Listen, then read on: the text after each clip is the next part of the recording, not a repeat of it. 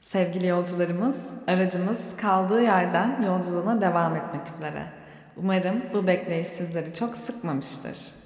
Ben yine de her ihtimale karşı şunu belirtmek isterim ki, her ne yapıyorsak siz değerli yolcularımızın konforunu ve güvenliğini sağlamak için yapıyoruz. İşte tam da bu yüzden aracımızı bir süreliğine yıl sonu bakım servisine bırakma kararı almıştık. İyi haber şu ki korkulacak bir şey yokmuş. Aracımızın her yeri gıcır gıcırmış. Çok da kötü olmayan haber ise benim bir 27 bin bakımım gelmiş.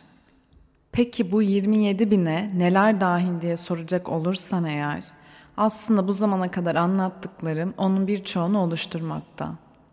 Daha sırada anlatmayı düşündüğüm hali hazırda bir dünya konu ve başlık vardı tabii ki. Lakin araya bu tampon bölümü sokuşturma ihtiyacı kendiliğinden doğuverdi. Ve sanıyorum bu bölüm seninle daha yakından tanıştığımız bir bölüm olacak. Doğduğumuz andan itibaren gerek ebeveynlerimizin, gerekse sistemin bize vaat ettiği ama en çok da her birimizin en temelde yapmaya çalıştığı şey bir şeylerin arkasındaki anlamı bulma veya varoluşumuza bir anlam katabilme çabası.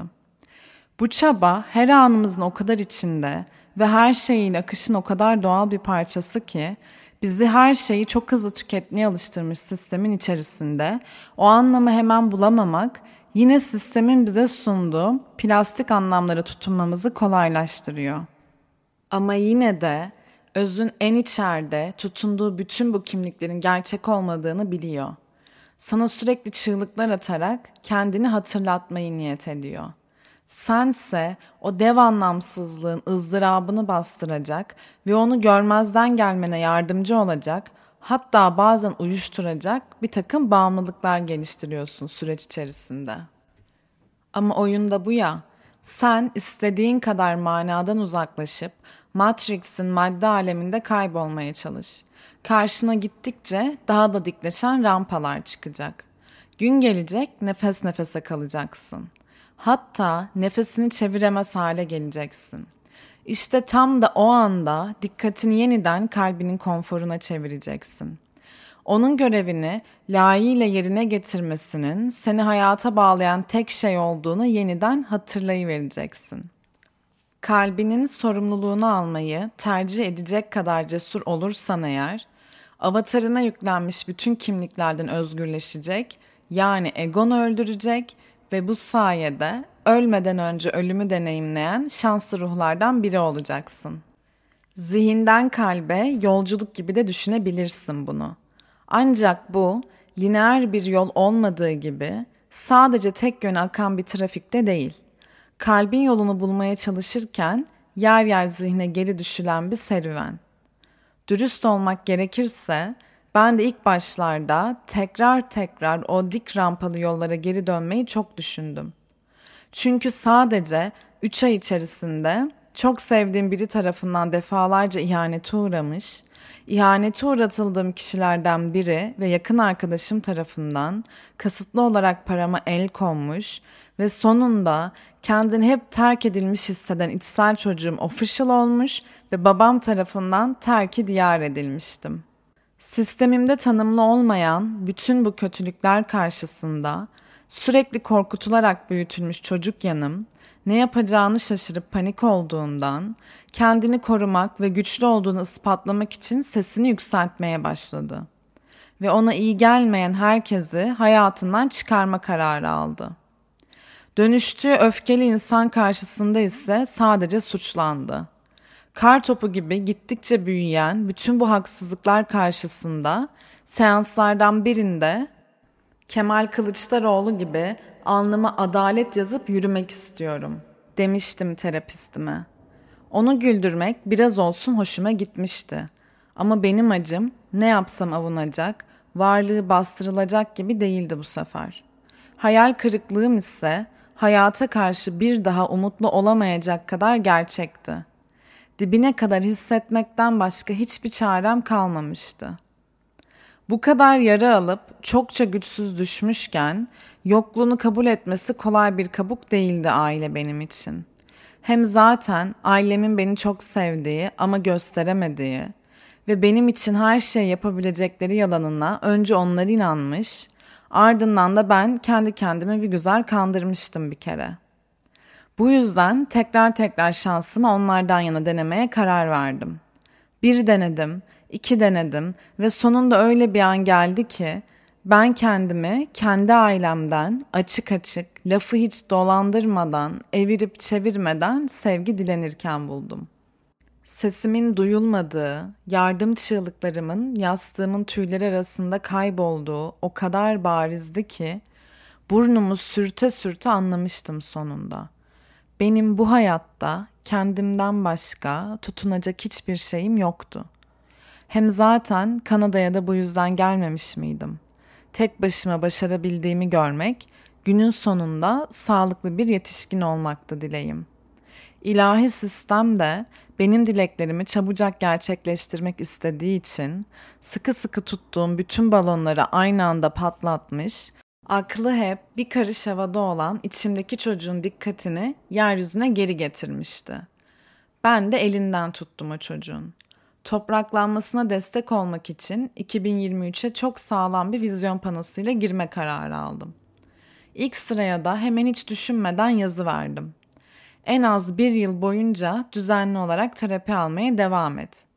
Sanırım acılar bu kadar taze ve geçmiş bütün travmalar aynı anda gün yüzüne çıkmışken hayatımda aldığım en mantıklı ve en işlevsel karar buydu.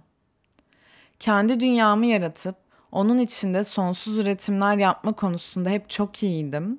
Ancak terapi dışa vurum ihtiyacını çok arttıran bir süreç olduğu için 2023 vizyon panomun ana temasını Buket Polat'tan da esinlenerek tüketmekten çok üretmek olarak belirledim. Kalbim ile yeniden bu kadar temas halindeyken yaratıcılığım da kendiliğinden artı verdi. Zaten yaratmak fiilinin sadece Tanrı ve sanatçı için kullanılıyor olmasının anlamı da bence tam da burada gizliydi. Finalde ne çıkacağını düşünmeden fırçamın anlatmasına izin vermek ve sonuç üründen hemen hemen her seferinde tatmin olmak, seneler boyunca uğradığım narsistik istismarlardan sonra iç sesime olan güvenimi yeniden kazanmama yardımcı oldum. Hatta bazen resim yapmak mı iç sesimi güçlendiriyor yoksa iç sesim güçlendikçe daha mı iyi resim yapıyorum bilemez oldum. Bu ikisi arasındaki ilişkiye gözlemci olma aşkı senelerdir yaşadığım kimlik krizini sonunda çözümledi ve kendimi güzel sanatlarda öğrenci olup teknik bilgimi geliştirmek istiyorum derken buldum. Şubat 2024 başvurular için son tarihti ve ben Ekim ayında ilk portfolyo kritiğimi almak için gelecekteki potansiyel profesörümün karşısına geçtim. Resimlerimin hikaye anlatıcılığı ve portfolyoyu hazırlama şeklim tahmin ettiğimden biraz fazla beğenildi. Kısa süren o görüşmeden sadece birkaç gün sonra ise üniversiteden çoktan kabul edildiğime ve istediğim bölüme başvuru yapabileceğime dair bir mail aldığımdaysa sonunda kendi yolumu bulduğuma dair inancım daha da güçleniverdi. Resim yapmaktan daha somut ve hızlı aktarım yapabileceğim bir araca da ihtiyacım vardı elbet. Ve sabah sayfaları senenin başlarında tam da öyle bir anda hayatıma girdi. Ben yazdıkça kalemim açıldı. Kalemim açıldıkça içimdeki düğümler daha hızlı çözülmeye başladı. Bütün bunlar benim iştahımı daha da kabarttığından karınca yazıma rağmen üç tane defter bitiriverdim. Üretim araçlarım arasında listede podcast yoktu ama bu da sabah sayfalarıyla başlayan sürecin getirdiği sürpriz bir durak oldu. Doğru ismin bende doğmasını beklemek, konsepti belirlemek, yeni malzemeler alıp ses konusunda kendi kendime bir şeyler öğrenmekse içimi en kıpır kıpır yapan şey oldu. Instagram'ı çok daha aktif kullanmaksa hedeflerden bir diğeriydi sırf 33 tane kendi kişisel hesabımda gönderi paylaşmış olmaksa beklentimin biraz üstündeydi. Kendi kendime resimler yaptığım, podcastler kaydettiğim, reels'lar çekip editlediğim bu macerayı sene sonuna doğru birkaç level yukarıya çıkarttım ve tek başıma festivale gittim. Yapamayacağımı düşünmüyordum ama yapmayı da düşünmemiştim daha önce hiç.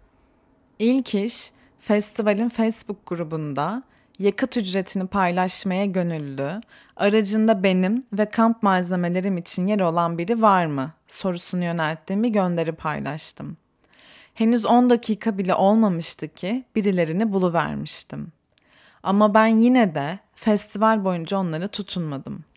Gözüme kestirdiğim en harika yere çadırımı kuruverdim. Hemen köşesine sandalyemi attım. Neonlu iplerimi etrafına bir güzel dolayıp kapısının önünde disko topumu gururla sarkıttım. Kocaman saksılarla dev bitkiler getirmiş misafirperver komşularıma da disko toplarımdan birer tane ikram ettim. Renkli ışıklarla donatılmış çardaklarının tek eksiği tamamlanmış gibiydi. Bu ve bunun gibi hepsini anlatmaya kalksam dizi senaryosu yazabileceğim sayısız maceradan sonra nihayet omurgam dikleşmeye başlamış, ayaklarım yere daha sağlam basar olmuştu. En nihayetinde günün sonunda kendime tutunmak için çıktığım bu yolculukta önce bana ait olduğunu sandığım sahte benliklerimin ifşasına sebep oldum Hemen sonrasında bir elimle kuşandığım kılıcımı sağa sola savurup onlarla gözümü kırpmadan vedalaşırken diğer elimle canım terapistimin elini tutuyor, gösterdiği yolda durmadan ilerliyordum. Tam sonunda başarıyorum. Galiba artık kendimi buluyorum dediğim noktadaysa aslında ben diye bir şeyin hiç olmadığı bütün bu iyileşme sürecimin özden öze giden yolculuğun ta kendisi olduğu idrakine varıverdim. Zaten öze giden bu süreçte maddeden uzaklaşıp manada derinleştikçe hatırlamaya başladığım bir diğer şey de tıpkı senin gibi benim de ruhsal bir varlık olduğumdu.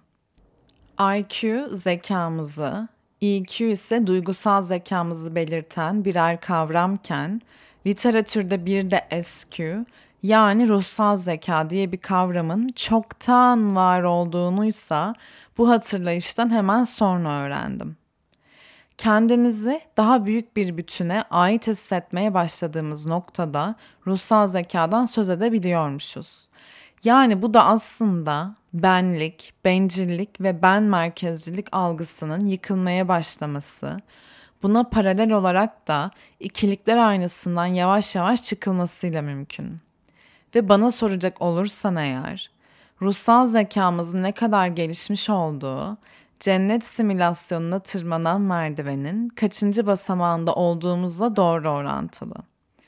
Kendine ait hissettiğin bütünün ölçeği büyüdükçe kalbin de genişliyor Kalbin genişledikçe sürekli safsata üreten, taktik yapan, senaryolar yazan zihnine daha az yer kalıyor.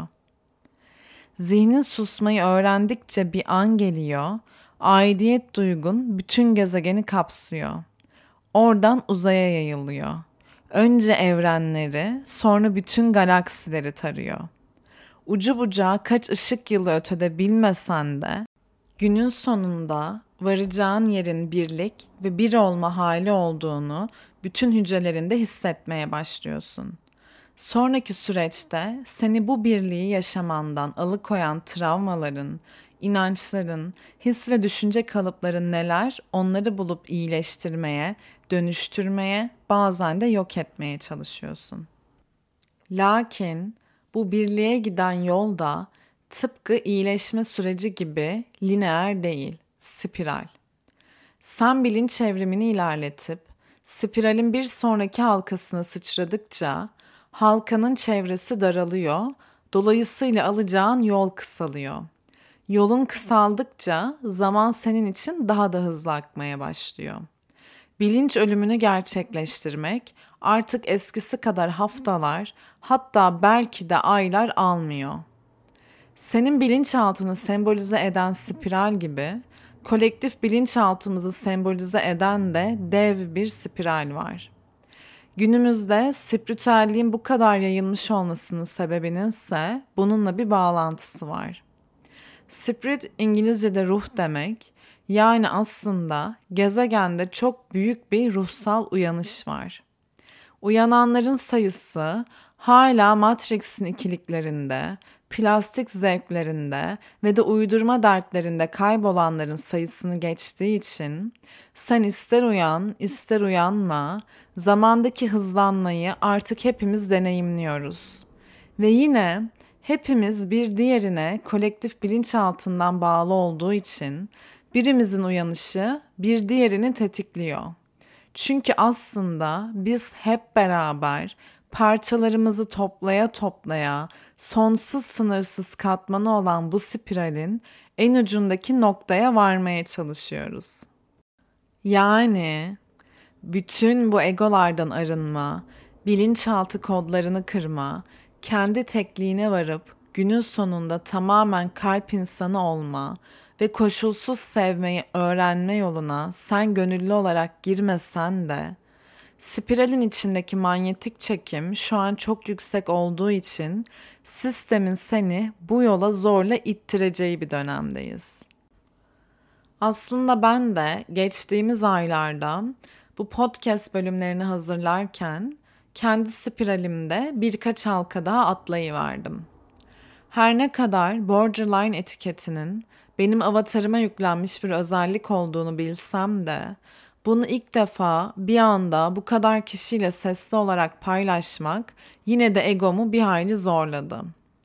Bütün bu zorlanmaların doğan olduğunu bildiğimden, içimde can çekişen parçamın varlığından haberdar bir şekilde bunu tekrar tekrar dillendirmeye devam ettim. Ve sonunda onun da üstüne toprak atıverdim.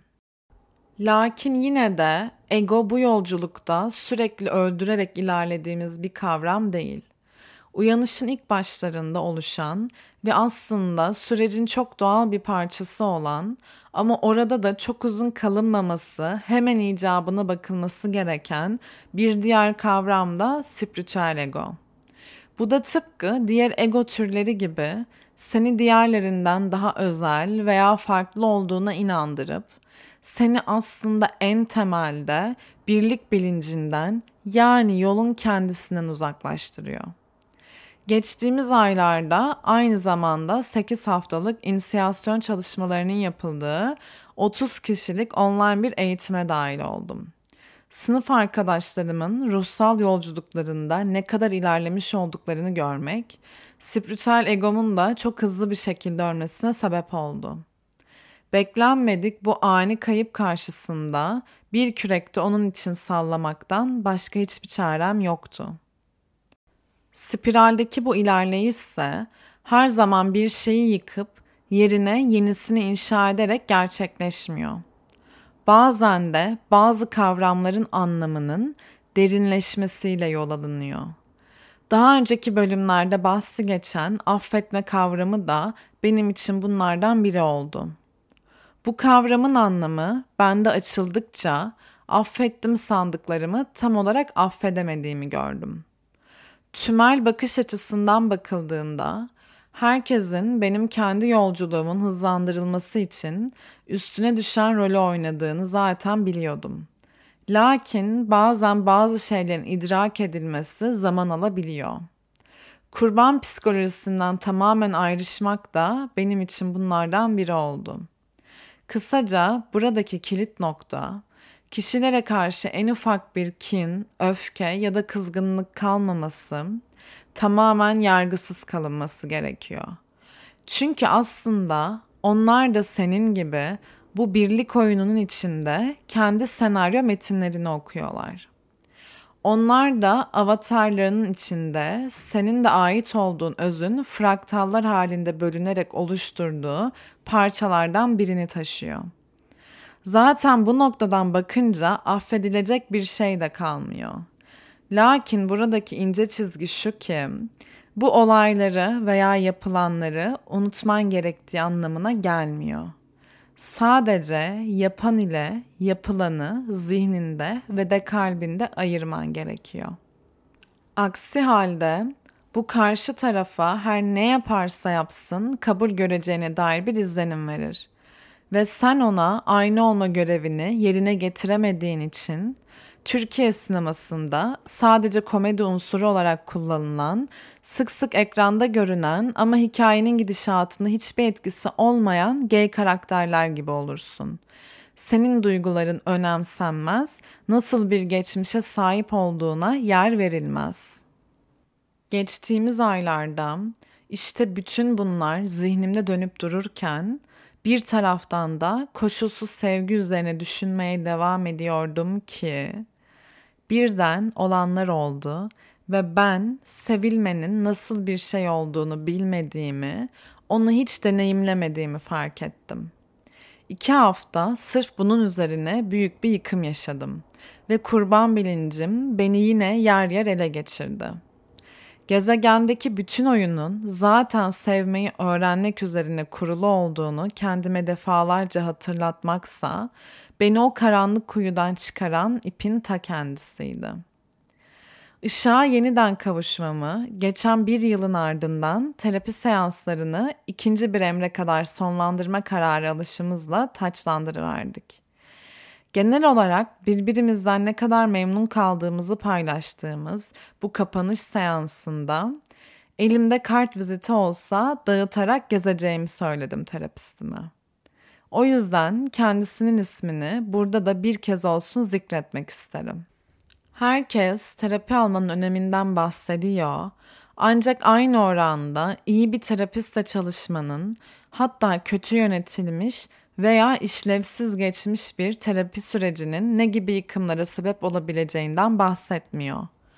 Ben de bu yüzden çok uzun bir süre içime sinen bir referans noktası bulmayı bekledim ve sonunda daha önce de bu bölümde ismini geçirdiğim, hatta yer yer Instagram'ımda yazılarında paylaştığım Buket'in önerisiyle içim rahat bir şekilde Güliz Öncel ile çalışmaya başladım. Her seanstan sonra kendisini daha da çok sevdim. İçimden hep iyi ki dedim. İşinde ne kadar tecrübeli olduğunu deneyimlemek ve meslek etiğinin çok güçlü olduğunu görmek bana kendimi hep güvende hissettirdi. Terapiyi bir omurga hattı gibi merkezde tuttuğum bu süreç, ihtiyaçlarımı keşfettikçe kendimi başka kaynaklarla ve eğitimlerle beslediğim ve de bu sayede burada bahsettiğim, bahsedemediğim 2023 hedeflerimin hemen hemen hepsini gerçekleştirdiğim bir yıl oldu. Kuantum dolanıklığını okumayı öğrendikçe de adalet arayışım son buldu. 2024 hedeflerimin ise detaylarını şimdilik yer vermek istemiyorum ama bu sefer iki ana başlıktan oluştuğunu söyleyebilirim. Bunlardan ilki daha da çok üretmek ve hatta kendimi ifade etme araçlarımın sayısını bir hayli arttırmak. Tam da bu yüzden geçtiğimiz aylarda hem yeni bilincimle hem de hayatımdaki birkaç güncelleme ile uyumlanırken aynı zamanda da üretimlerimi hangi bilinç seviyesinden aktarmaya devam etmem gerektiğini düşünüyor ve bunun için uygun dilin içimde demlenmesini bekliyordum. Bir diğer hedefim, hatta biraz da dileğim, kendi ailemi, kabilemi kurmak. Her ne kadar tekliğimden emin olsam da geçirdiğimiz bunca evrime rağmen doğada hayatta kalabilmek için halen daha kendimiz gibi olanlarla bir arada yaşamamız gerekiyor. Zaten bu zamana kadar çektiğim sıkıntılar da en temelde bundan kaynaklanıyordu. Vizyonumdan, sahip olduğum yeteneklerden ve de etik değerlerimin doğruluğundan emin oldukça bataklık kenarında yolunu kaybetmişlerden ayrılıp sadakatiyle ünlü, bilge ve de aile olmayı çok iyi bilen kurt sürülerine karışma vaktimin geldiğini en derinlerden hisseder oldum. İnşa ettiğim bu kabilenin köyünün girişinde ise kocaman bir tabela var ve o tabelanın üzerinde tam olarak şöyle yazıyor. Kabilemin birlik bilinci oldukça yüksektir. İçindeki cevheri parlatmak niyetimizdir. Kalbinin yolunu bulmuş herkes sürüye davetlimdir. Komşusunun disko topu yokken partileyen bizden değildir.